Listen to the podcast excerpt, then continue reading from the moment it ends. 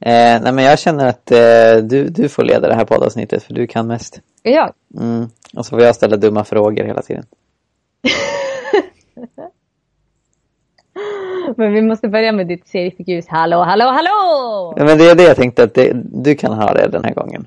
Och så har jag ett normalt hej. Ja, precis. Mm.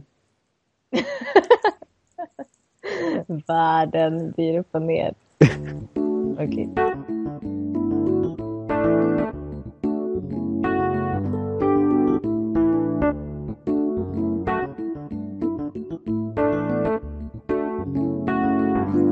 Hallå, hallå, hallå! Hej, hej! Välkomna till Jesusfolket!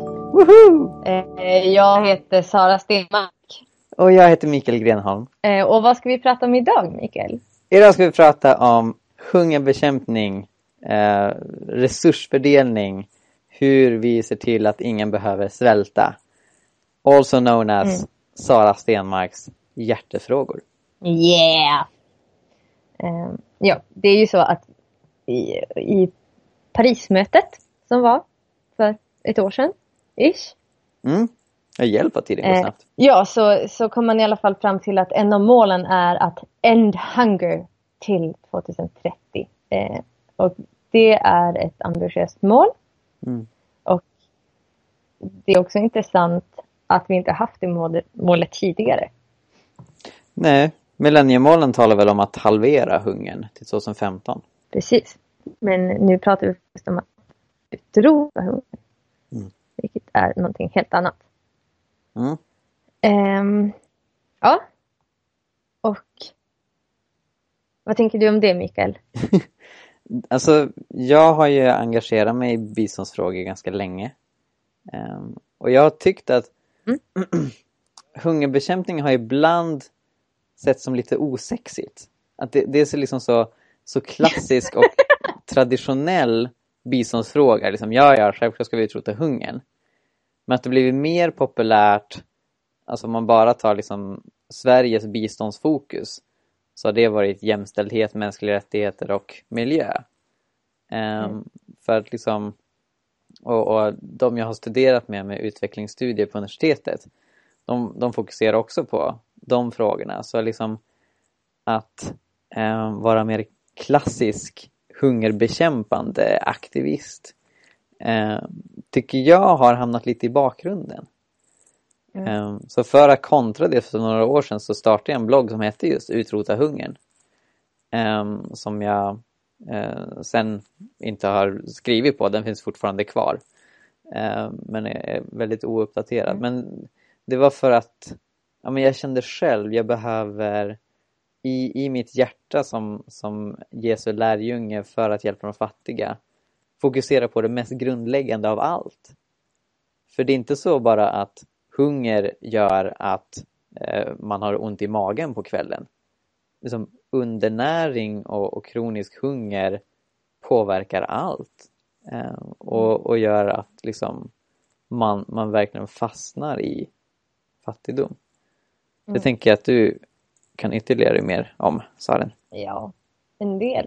Eller det vet jag inte. Men, men ehm, det, finns, det, en dokum, det finns en jättebra dokumentär som heter Living on one dollar. Mhm. Ehm, som handlar om några killar som är national och skriver en, masteruppsats om de vill, de vill skriva om fattigdom helt enkelt.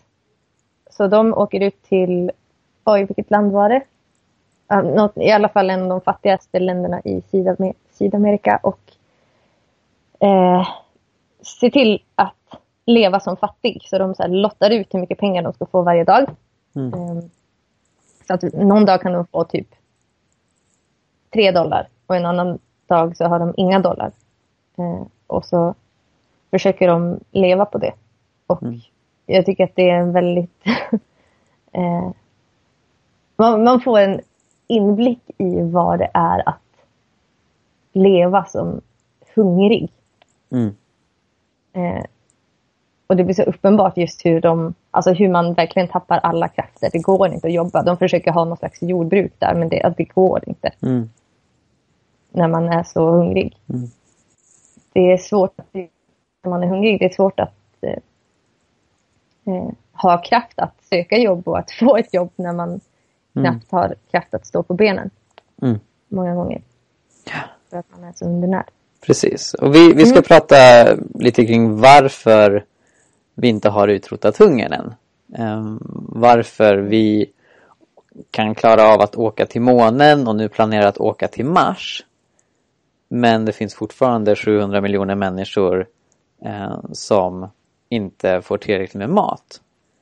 Eh, FAO, FNs lantbruksorganisation, räknade ut för ett antal år sedan att vi producerar idag mat som räcker till 12 miljarder människor.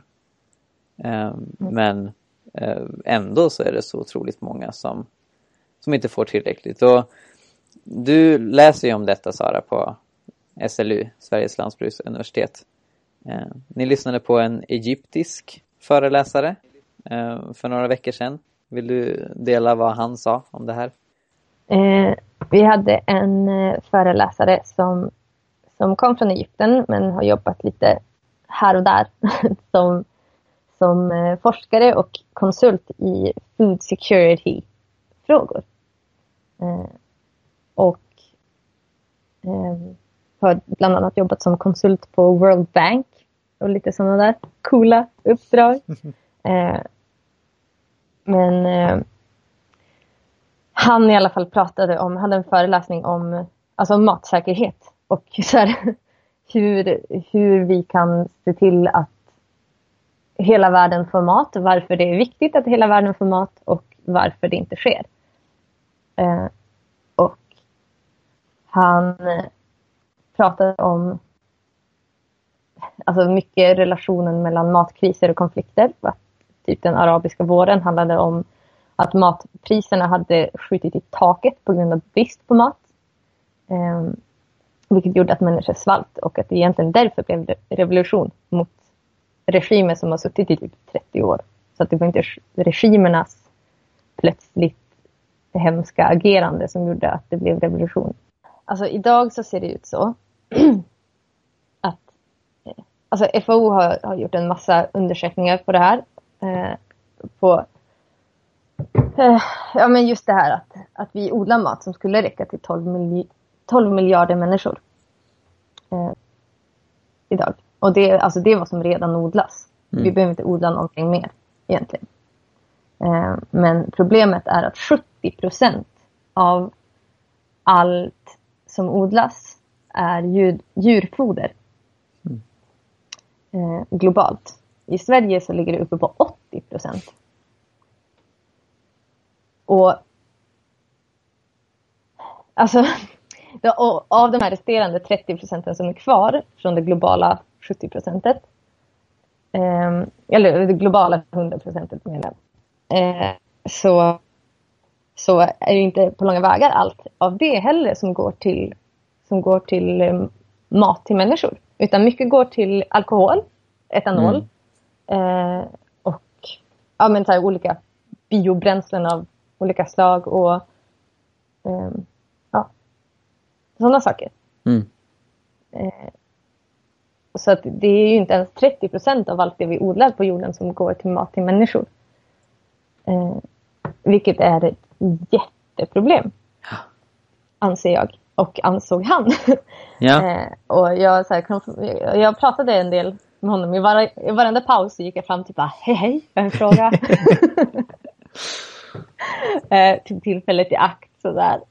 Eh, och vi pratade om att eh, han sa det, han erkände det själv när jag, när jag stod och pratade med honom alltså, så i en paus att, att så länge så länge vi har den, den köttefterfrågan som vi har så är det omöjligt. Det, det går inte att förse hela, hela världen med mat.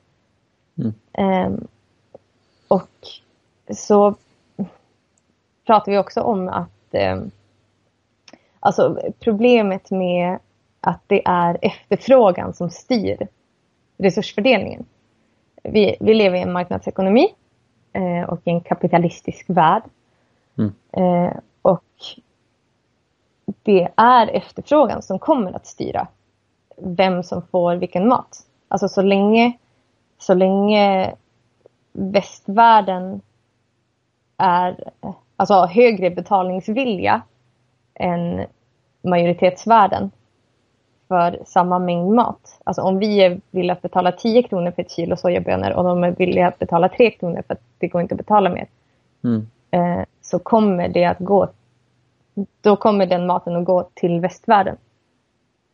Eh, och troligtvis inte då till människor utan troligtvis till djurfoder såklart. Mm.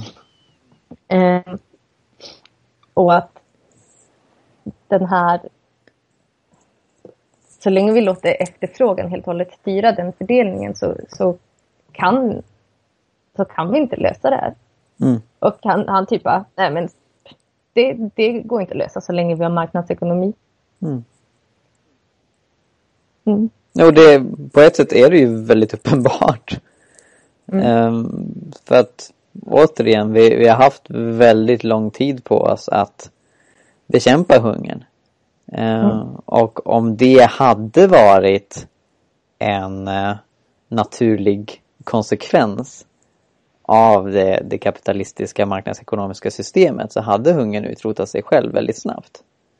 Eh, snarare än att liksom vi sätter igång och producerar iPhones och rymdfarkoster i, innan liksom de mest grundläggande behoven är Ja, eller, mätta. eller till och med innan vi börjar producera rymdfarkoster för att göra en eh, reality show från rymden. Ja, just det! Mars Himla viktigt att One. lägga pengar på det. Åh, vad viktigt det är. Dokusåpan från Mars för de som vill åka Mhm. eh, till en annan planet och aldrig komma hem igen. Ja, Sök precis. idag!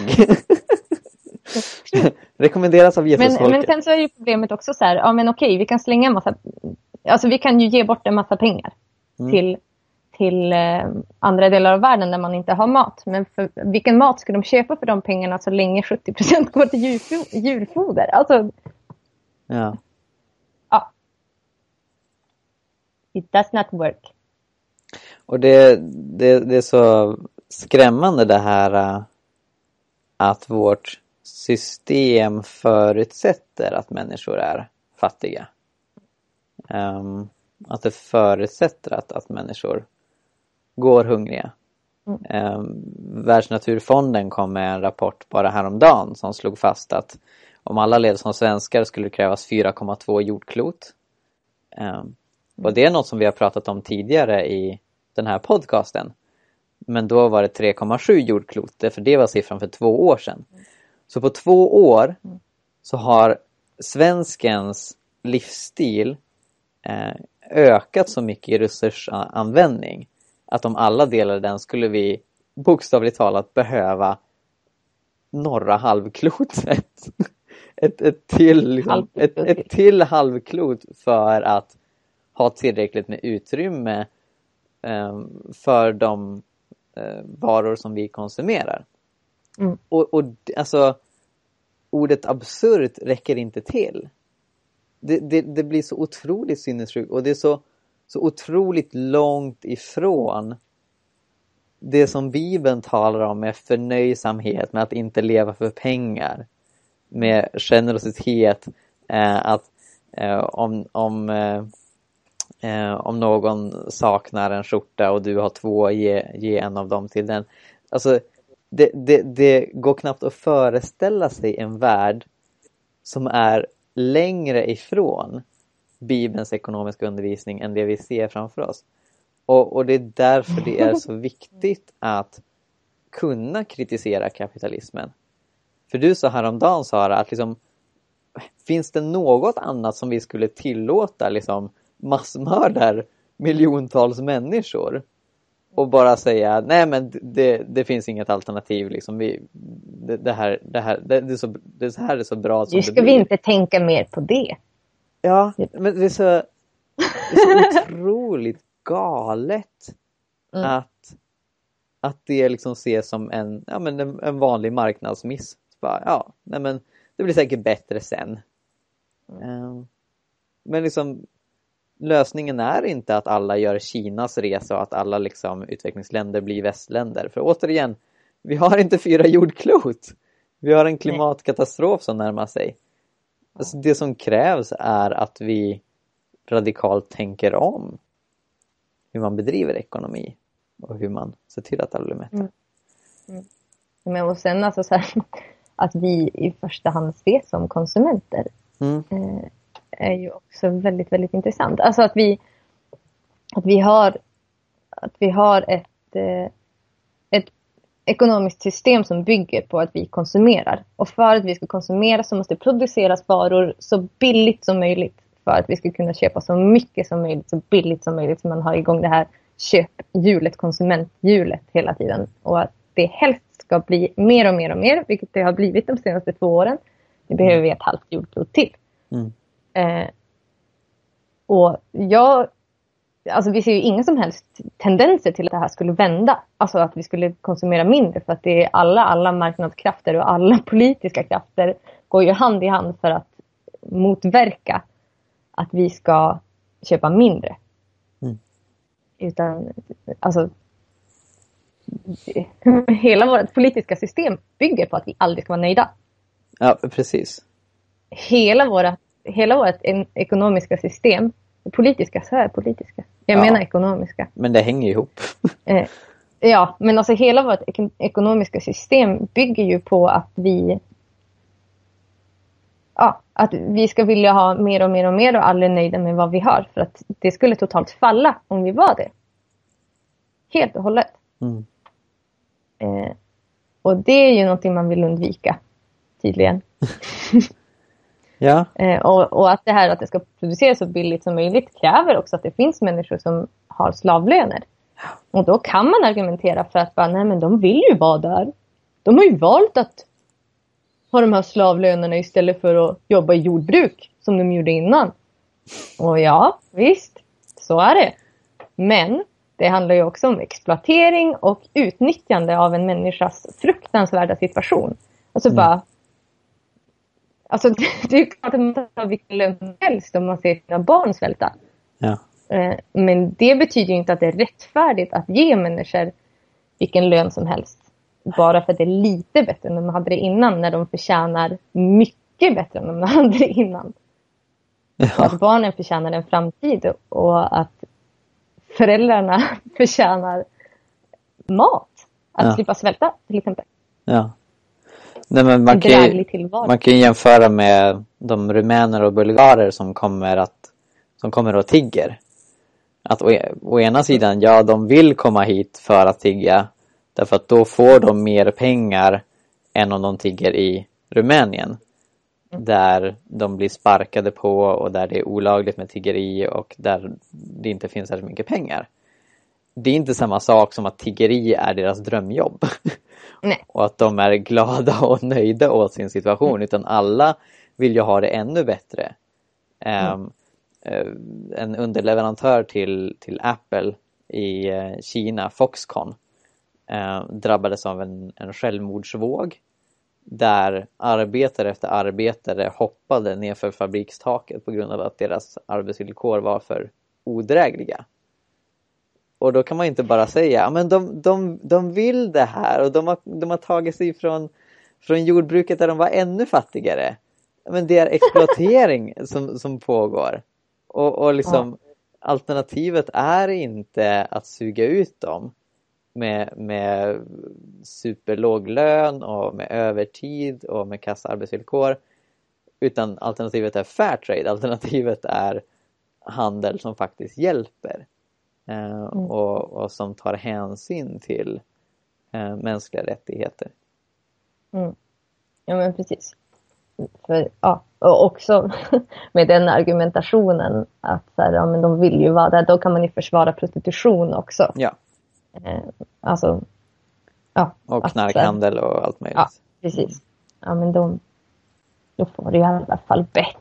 Ja, de är bara tillvaror de det bättre i.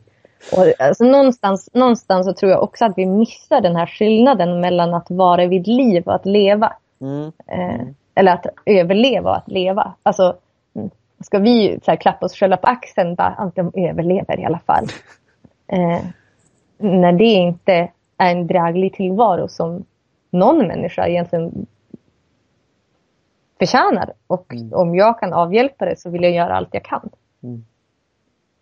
Eh, Mikael, du, eh, du har varit på en föreläsning, skulle jag tro. Ja, egentligen var det en, en bok som jag läste Ja. under första, första kursen i utvecklingsstudier. Ja. För eh, sex år sedan i min ungdom, när jag började studera. När du var 19 år. ja, precis. Gud, lätt. 19-åriga Mikael. Innan jag Ja, hade skägg. I vilket fall. Eh, vi läste Amartya Sen. Eh, no, Nobelpristagare och utvecklingsekonom. Eh, som har dels skrivit mycket kring ja, men hur, hur man bör definiera utveckling. Eh, och han försöker komma ifrån det här BNP-fokuset. Att ett land har utveckling om det blir materiellt rikare. Och försöker lyfta fram att det är fler saker som man behöver tänka på för att kunna säga att ett land har utvecklats. Mm. Men sen har han också skrivit eh, en hel del intressanta, om, eh, intressanta saker om hungersnöd. Eh, så i sin förmodligen mest kända bok, Development as Freedom, eh, så konstaterar han att eh, hungersnöd i, i princip alla fall i modern tid är politiska konstruktioner. Eh, Mm. Så hungersnöd beror inte i sig på en torka eller en översvämning eller någon annan form av, av naturfenomen. Mm. Eh, för att i de allra, allra flesta fall eh, så, så har regeringen i landet där det förekommer hade kunnat förhindra det. Men väljer att inte Mm. göra det för att hålla befolkningen i schack. Och det, det tror jag Mm. är något viktigt att, att ha med sig att anledningen till att folk är hungriga det är inte ehm, alltså det är inte en naturlag. Utan Mm. det är för att tyvärr så tycker politikerna i världen att ehm, det inte är en prioriterad fråga. Ehm, och det, det som vi har lyft, dels det med att det är så mycket av åkerarealen som går till djurfoder med köttnormen som råder och som de flesta politiker i västvärlden är, är, livrädda att ifrågasätta. Ehm, dels det men också då det ekonomiska system som vi har som är byggt på girighet. Alltså det är byggt på något som Bibeln kallar för en synd. Att det, det leder till att människor går hungriga och det i onödan. Eh, för vi hade kunnat Mm. utrota hungern vid det här laget. Om vi hade velat. Men eh, alltså det måste återigen bli liksom en, en, eh, den, alltså, den viktigaste frågan. För, att- för att se till att, att människor eh, får ett bra liv.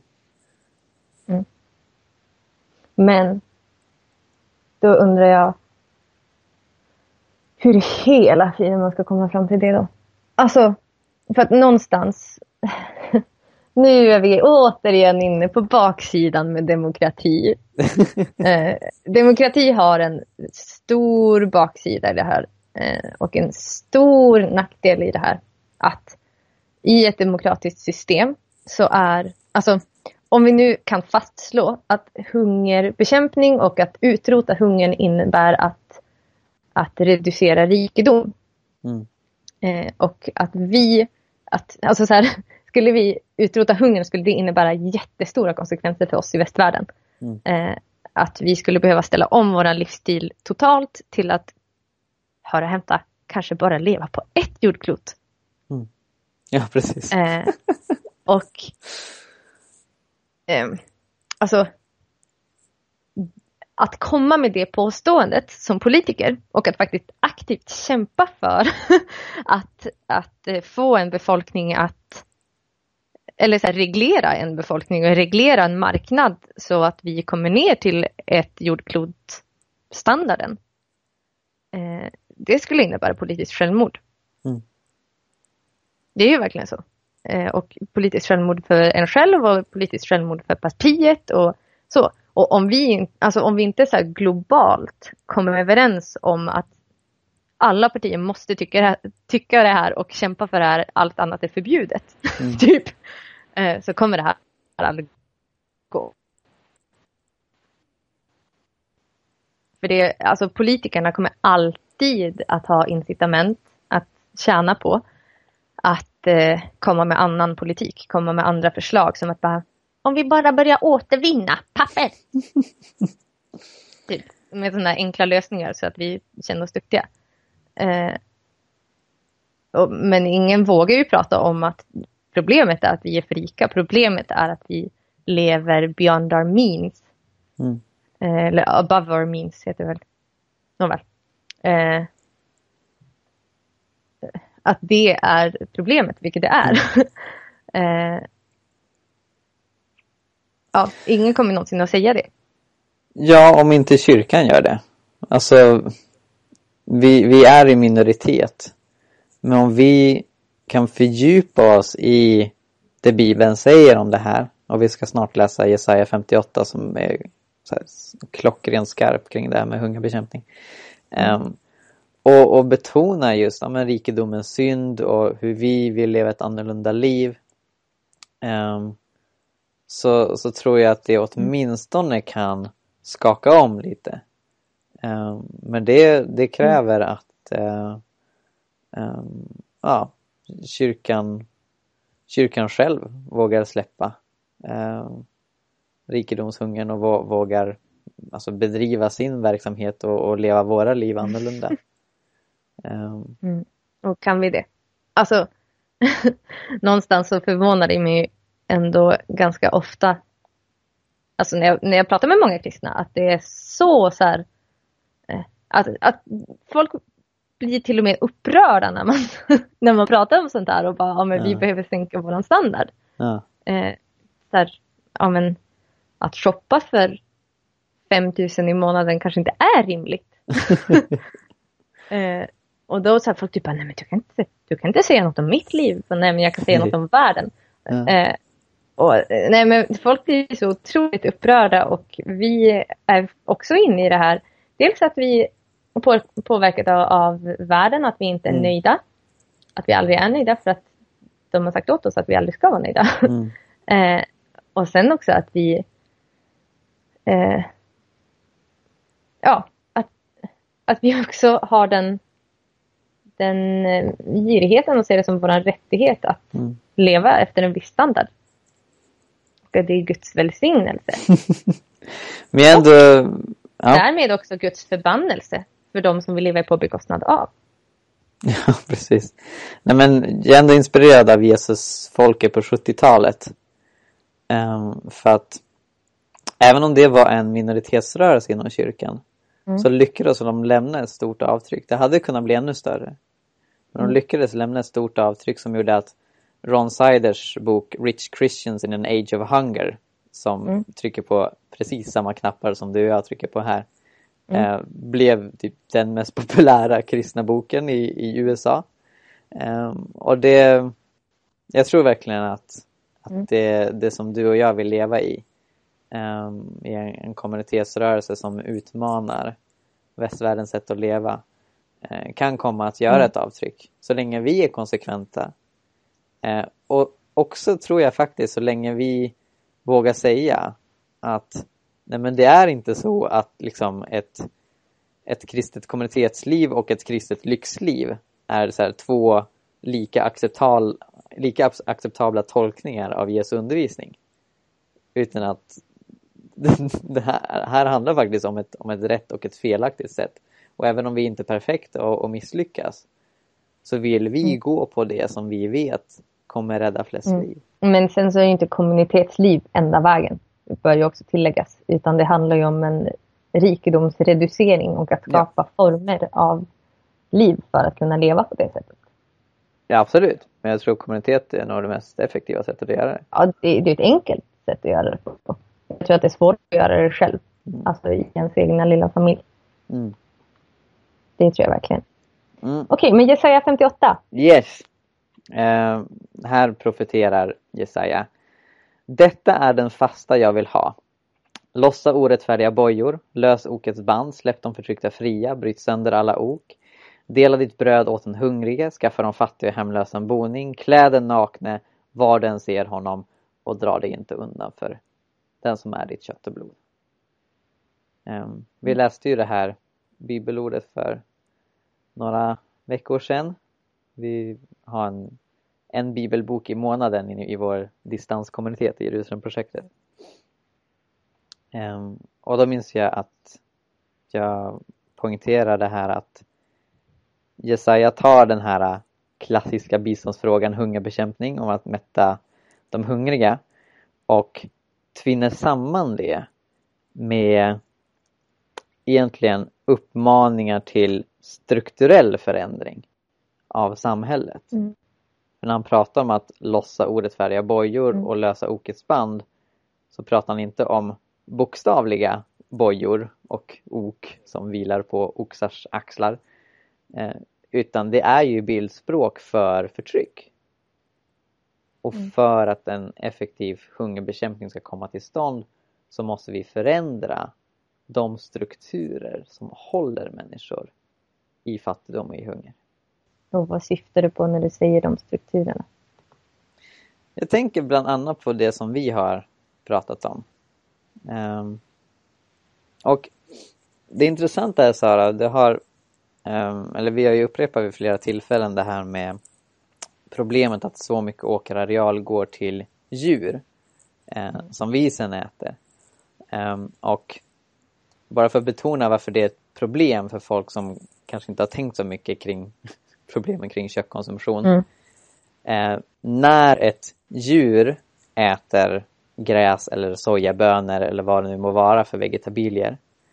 Eh, så sen när människan mm. äter det djuret så har 90% av energin som fanns i eh, maten som djuret åt försvunnit när djuret har levt sitt djurliv. När kossan har vandrat omkring på ängen och eh, liksom förbrukat sin energi. Um, så det är egentligen ett, ett stort uh, energislöseri uh, med att äta kött. Um, och det var inte alls ett särskilt stort problem på, på Bibelns tid. Va? Då kunde kött vara en, en ganska bra proteinkälla. Men Då idag... fanns det också bara några hundratusen på jorden. Ja, precis, precis. Och det är en helt annan sak än, än det vi upplever idag. När vi har en köttindustri, alltså tänk på det ordet, en industri där man ska odla fram eh, djur som varor, som produkter. Eh, och som FN säger är eh, det, alltså det, egentligen det största eh, klimatproblemet som, som vi har. Det, kött är den ingrediens som är absolut mest miljöfarligast. Um, på grund av att det leder till så många växthusgaser och så mycket energislöseri.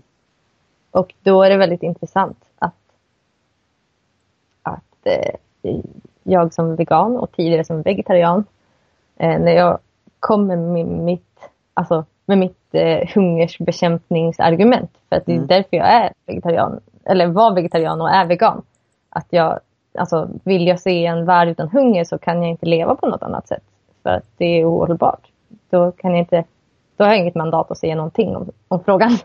Mm. eh, och Alltså hur förvånade folk blir och även mm. bland andra vegetarianer och veganer. Att, här, mm. ja, att så här, klimat, klimatanläggningen är något som folk pratar jättemycket om och djurväl, djurvälfärd. Att, ja, precis. vi ska inte utnyttja och exploatera djuren. Mm. Men det här att vi utnyttjar och exploaterar människan genom att utnyttja och exploatera djuren. Mm. Eh, det pratar man inte så mycket om alls. Mm. Vilket är intressant. Det har börjat komma mer och mer nu kan jag tycka. Mm. Eh, men det är ju fortfarande oproportionerligt mycket mer fokus på klimatet. Alltså köttets klimatpåverkan än köttets hungerpåverkan. Ja, precis. Och det är märkligt för att återigen, hungerbekämpning som en klassisk biståndsfråga är något som folk resonerar med.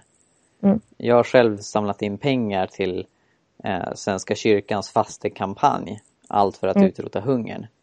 Eh, och det är ju ingen som, som tänker till två gånger om det. Eh, utan om, om folk har pengar på sig så, så skänker de till det för att det är liksom något som folk resonerar med. Så därför är det egentligen lite märkligt Mm. när faktan finns där och vi har vetat i många, många år att Mm. eh, alltså den västerländska eh, köttdieten leder till att människor svälter. Varför har det inte blivit ett vanligt argument för veganism? Precis. Varför, inte- varför inte det är det vanligaste argumentet Ja. för veganism? Eh, för det är ju någonstans så här, typ man tänker typ så här, extrema djurrättsrörelsen, då är man vegan. Ja, Men jag skulle ju mena att det borde vara det naturliga för den, för den extrema människorättsrörelsen. Ja. Eh. Och sen så är det också intressant att vi ofta skyller hungern på Gud. Ja. Eh, att så här, men Gud, hur kan du tillåta att världen ser ut så här, att människor går hungriga Mm. när det är helt och hållet människan som orsakar det? ja, det är Alltså- verkligen det. Att vi med våran livsstil, egentligen om man, om man var helt kass, Mm. eh, vi med våran livsstil, livsstil omöjliggör eh, liv för andra människor. Visst, de kan överleva, Mm. vissa av dem, förhoppningsvis. Men att vi omöjliggör ett dräg, drägligt liv för resten av världen Mm. genom våran livsstil. Och så skyller vi på Gud. Mm. Men kan absolut inte tänka oss att välja bort någonting. Eller att förändra oss själva på något sätt. Mm. Och det är det förstås som Gud vill göra i oss. Mm. Alltså, han tycker om att göra matmirakler och mul- multiplicera mat. Eh, men samtidigt när vi stretar emot eh, så är det ofta så att Gud visar oss eh, syndens konsekvenser på smärtsamma sätt för att vi ska förstå Mm. hur beroende vi är av honom eh, och hans förlåtelse för, för att eh, kunna leva rättfärdiga liv. Ja, men precis. Och den här Jesaja-texten visar ju också på alltså, att,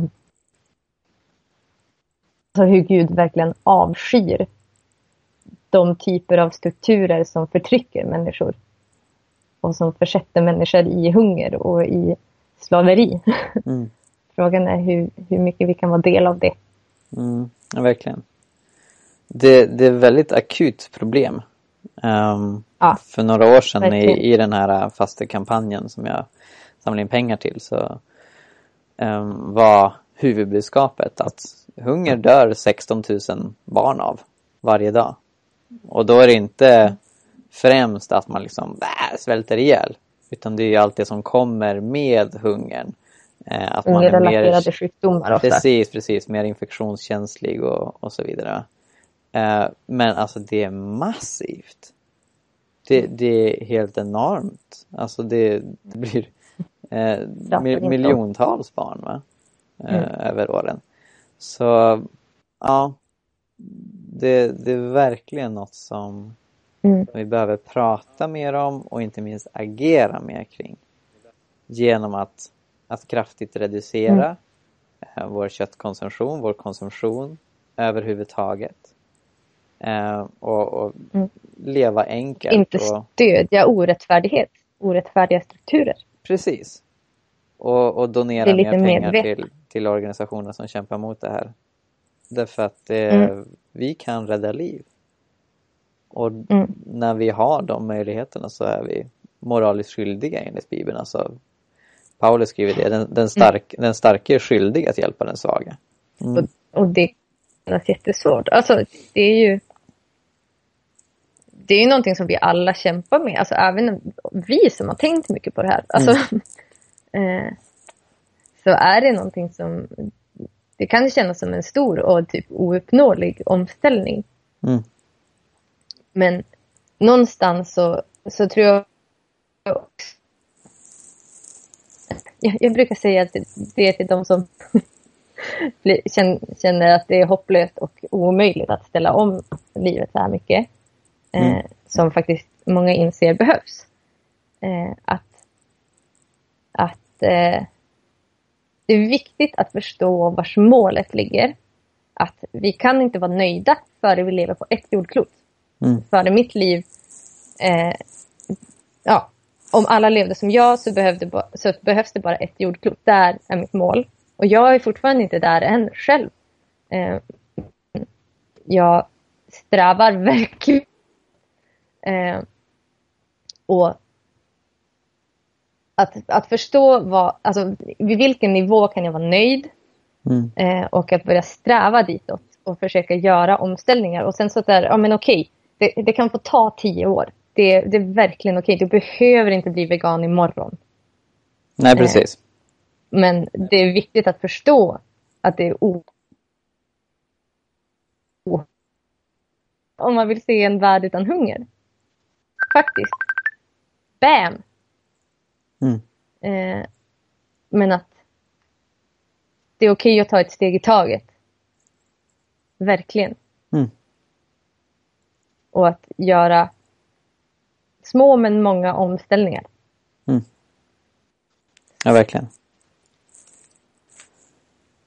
Ja. Väldigt, väldigt bra sammanfattat. Sara. Det behöver bli en rörelse av det här. Mm. Amen. Ja, tack så jättemycket Sara. Mm. För att du delar med dig med din passion. För de här frågorna. Tack. Eh, och jag hoppas tack. att ni som lyssnat och tittat att ni känner er inspirerade. Eh, inte bara liksom nertrampade i jorden för allt skit som vi ställer till med. Utan att ni ser det, att, att vi tror verkligen på att eh, det går att förändra och det går att leva annorlunda för att hjälpa som mm. hungrar. Eh, det är något som Gud vill använda, använda er i. Eh, och det är något som vi vill hjälpas åt. Va? Um, så om ni har frågor och kommentarer så gå in på vår Facebook-sida eller hela pingsten och, och skriv någonting där och ta kontakt med oss. Um, för vi vill verkligen se en rörelse av hungerbekämpande lärjungar som, som gör världen bättre. Mm. Och så vill jag bara tillägga att det är inte så svårt. Nej. Alltså, det, att, att eh, minska sin konsumtion och att eh, äta mer veganskt. Det är inte så svårt och internet är ett fantastiskt hjälpmedel. Till inspiration och glädje för var och en. Jajamän. Mm. Med mm. det så lämnar vi er för den här gången. Mm. Tack för att ni och tack för att ni är bra och vill tänka på sådana här frågor som kan vara lite svåra. Tack själv Sara. Mm. Varsågod. tack själv Mikael. tack, tack. Ja. Men eh, ha en fin vecka. Ja. Så, ja, Gud välsigne er. Amen. Hej då. Hej då.